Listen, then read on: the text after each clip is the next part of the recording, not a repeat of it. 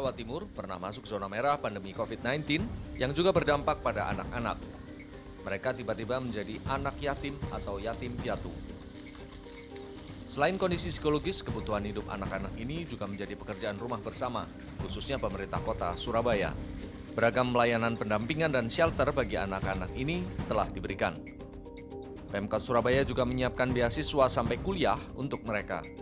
Menurut Wali Kota Surabaya dalam laman Instagramnya, sebagian bantuan sudah disalurkan. Peluang menjadi orang tua asuh atau mengadopsi anak-anak ini juga dibuka bagi masyarakat. Tapi sampai sekarang belum ada warga yang mengajukan permohonan adopsi atau menjadi orang tua asuh.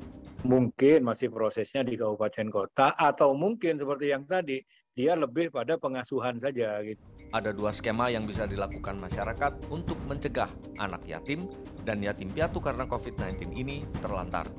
Mereka bisa menjadi orang tua asuh dengan membiayai kebutuhan hidup anak tanpa harus tinggal satu rumah, atau melakukan adopsi sesuai dengan persyaratan.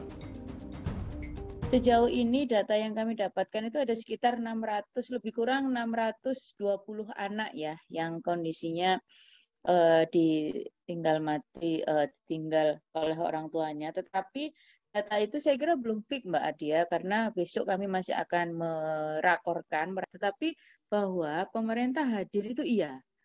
Nah, bagaimana dasarnya? Apa payung besarnya itu adalah terkait eh, apa namanya itu tadi hal-hal yang harus disiapkan oleh eh, pemerintah gitu ya.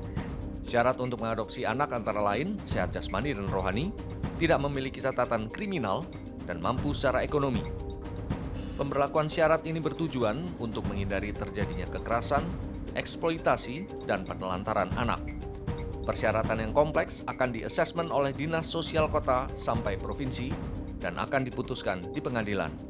Andreas Wicaksono, Ardia Putri, Surabaya, Jawa Timur.